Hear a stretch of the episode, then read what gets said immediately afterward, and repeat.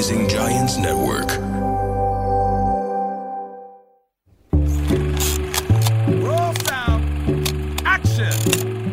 حلقة جديدة وصلنا فيها للمرتبة الثانية بقائمة أفلام ستغير نظرتك للحب.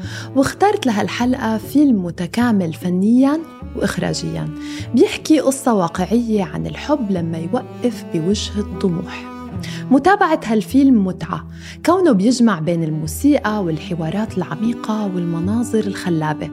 نقدر نحكي إنه fairy tale أو قصة من كتب الخيال شكلاً لكنه بيشبهنا وبيشبه حياتنا كقصة ومضمون.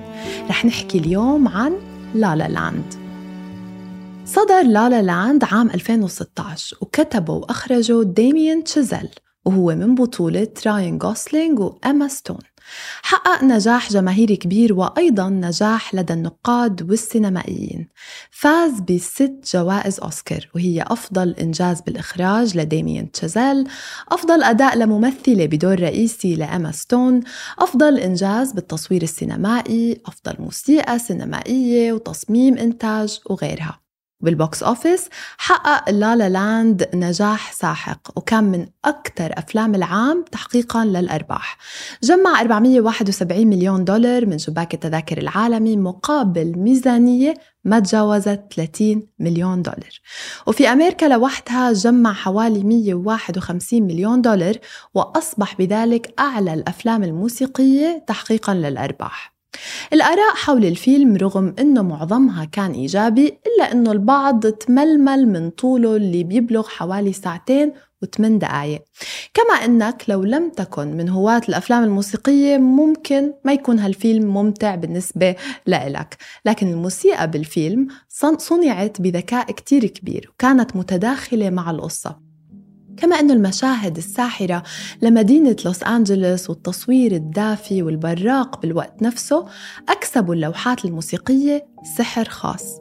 وموسيقى الجاز كانت بالنسبة لإلي ال highlight الأبرز.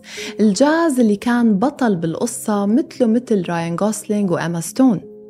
القصة بتحكي عن ميا وسيباستيان. ميا بتعمل كباريستا وبتحلم بيوم بتصير فيه ممثلة مشهورة. بتقضي وقتها بين وظيفتها وبين تجارب الأداء. محاطة بإلي باستديوهات التصوير ومن تجربة أداء فاشلة. لأخرى بتحاول تحافظ على إيمانها بحلمها وتتمسك بالأمل. سيباستيان هو jazz pianist وحلمه بيوم يفتتح jazz club خاص فيه. لكل منهم حلم بيسعى لتحقيقه. بيلتقوا وبيوقعوا بالحب. بيشتركوا بكتير أشياء. بحبهم للحياة بإيمانهم بحلمهم وبطموحهم اللي ما له حدود. وبيكونوا بمعظم الوقت سند لبعض. كل ما يضعف طرف الطرف الثاني بيشجعه وبيرفع من معنوياته. علاقة متوازنة.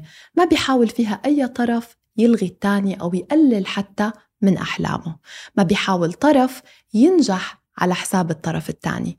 فيلم بيحكي عن الحب وعن التضحية وعن ملاحقة الأحلام والأهم عن الخيار الصعب اللي ممكن نضطر نحسم قرارنا فيه بين الحب والطموح. مثل أي علاقة ميا وسيباستيان بمروا بتحديات كبيرة وبمعظم الوقت كان حبهم أكبر منها. لوقت اضطروا فيه إنهم يختاروا بين إعطاء علاقتهم فرصة لتستمر وتتطور وبين طموحهم المهني. ميا بتلتقي أخيرا بتتلقى أخيرا العرض اللي قضت سنين من حياتها عم تحلم فيه لأداء دور بمسلسل تلفزيوني لكن رح يتم تصويره في باريس. بوقت بدأ سيباستيان يقرب أكثر وأكثر من حلمه لا بل قدر يحقق جزء كبير منه كعضو بفرقة جاز ناجحة اجتازت كل التوقعات. ميا بتفكر بحلمها وبتفكر بسيباستيان وبتختار بالأخير حلمها وطموحها. نختتم رحلتنا معهم بمونتاج مؤثر بعتبره من أجمل ما رأيت بالسينما لليوم. منشوف فيه حياة من نسج الخيال. ماذا لو اختاروا بعض؟ ماذا لو استمرت علاقة حبهم؟ سؤال مؤلم وخيالات أكيد بتراود أي اثنين افترقوا غصبا عنهم عن بعض بسبب ظروف خارجة عن إرادتهم أو غيرها. ممكن تقولوا ليه ما اختارت ميا سيباستيان وتخلت عن حلمها في سبيل الحب وأن الحب الحقيقي بيصنع المعجزات وقادر يتجاوز أي عقبة. لكن الحقيقة هي أنه الحب مثل أي مشاعر بنعيشها مثل الخوف والضعف والفرح مش بطل خارق لا يمكن هزيمته ويمكن يمكن لو اخترنا الحب وتخلينا عن طموحنا نقضي طول حياتنا عم نتحسر على هالطموح اللي تخلينا عنه. وممكن هالحسرة تتحول لنقمة على شريك حياتنا وتقلب الحب لحقد أو حتى كراهية.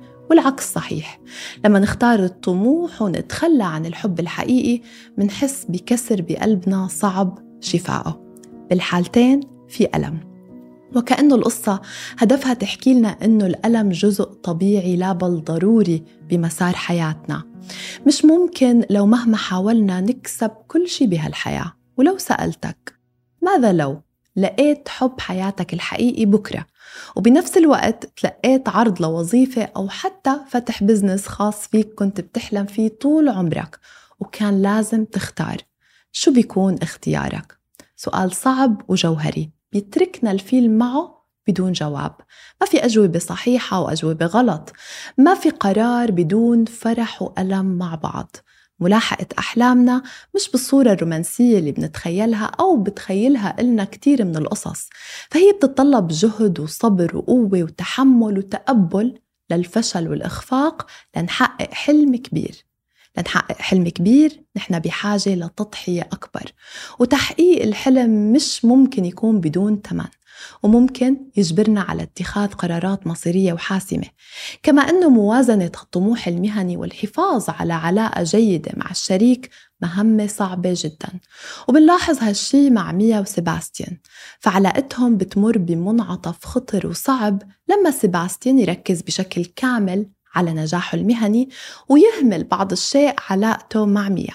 كمان ما فينا ننكر إنه جزء كبير من ميا حس بالغيرة والألم فهي برغم سعادتها لنجاح سيباستيان أكيد بتكون شعرت إنه حبه إلها ومكانها بحياته تغير وأكيد فكرت بحالها وبحلمها وحطت حالها بمقارنة معه. لهيك لما حققت أو وصلت للفرصة اللي بتحلم فيها ترددت لكنها اختارت هالفرصة واختارت حلمها. تركني هالفيلم بحالة صعب أوصفها. حضرته بالسينما وبقيت بالصالة لوقت ما مشيوا كل الناس. فكرت بقديه هالحياة غريبة. وقديه أغلب الخيارات اللي ممكن نشعر إنها سهلة تصعب كتير وقت اتخاذ القرار الأخير. قديه تمن السعادة غالي وإنه نحن بالنهاية مجموع اللحظات اللي شعرنا فيها إننا على قيد الحياة. مش قديه جمعنا فلوس أو اكتسبنا شهرة. لو سألتك شو أجمل لحظة بحياتك مين أكتر شخص بتحس معه إنك على قيد الحياة؟ لابد ما تتشابك أو يتشابك الشغف بالحب لأنه هالشخص على الأغلب رح يكون مؤمن فيك وبطموحك. لكن إذا إذا كان وجودنا نفسه على الأرض محدود فما بالنا بالعلاقات والمشاعر. لكن رحيلها ما بترحل معه صور بترافقنا. ولو الله كتب لنا عمر طويل على الأرض على الأغلب رح نتذكر هاللحظات الحلو منها قبل المر. وبنهاية المطاف أيضا الحياة قصيرة ولحظاتنا مع الناس اللي بنحبهم ثمينة ولا تعوض. لو قابلنا الحب فهو بيستحق أنه نعطيه فرصة ونعطيه مشاعرنا وطاقتنا. لكن أولوياتنا بالحياة تختلف بحسب الظروف والمرحلة اللي بنقطع فيها. ممكن تلاقي الحب بالوقت الصح وممكن كمان تلاقيه بالوقت الغلط. بوقت أولوياتنا فيه نكبر بمهنتنا وشغفنا. الشغف وما أدراك ما الشغف هو محرك الروح. لكن لازم نحذر وننتبه وما نخلي الشغف يسرقنا من حالنا ويسلبنا فرصة السعادة الحقيقية. تبقوا بخير وبشوفكم بالحلقة الجاي من أفلام ستغير نظرتك للحب.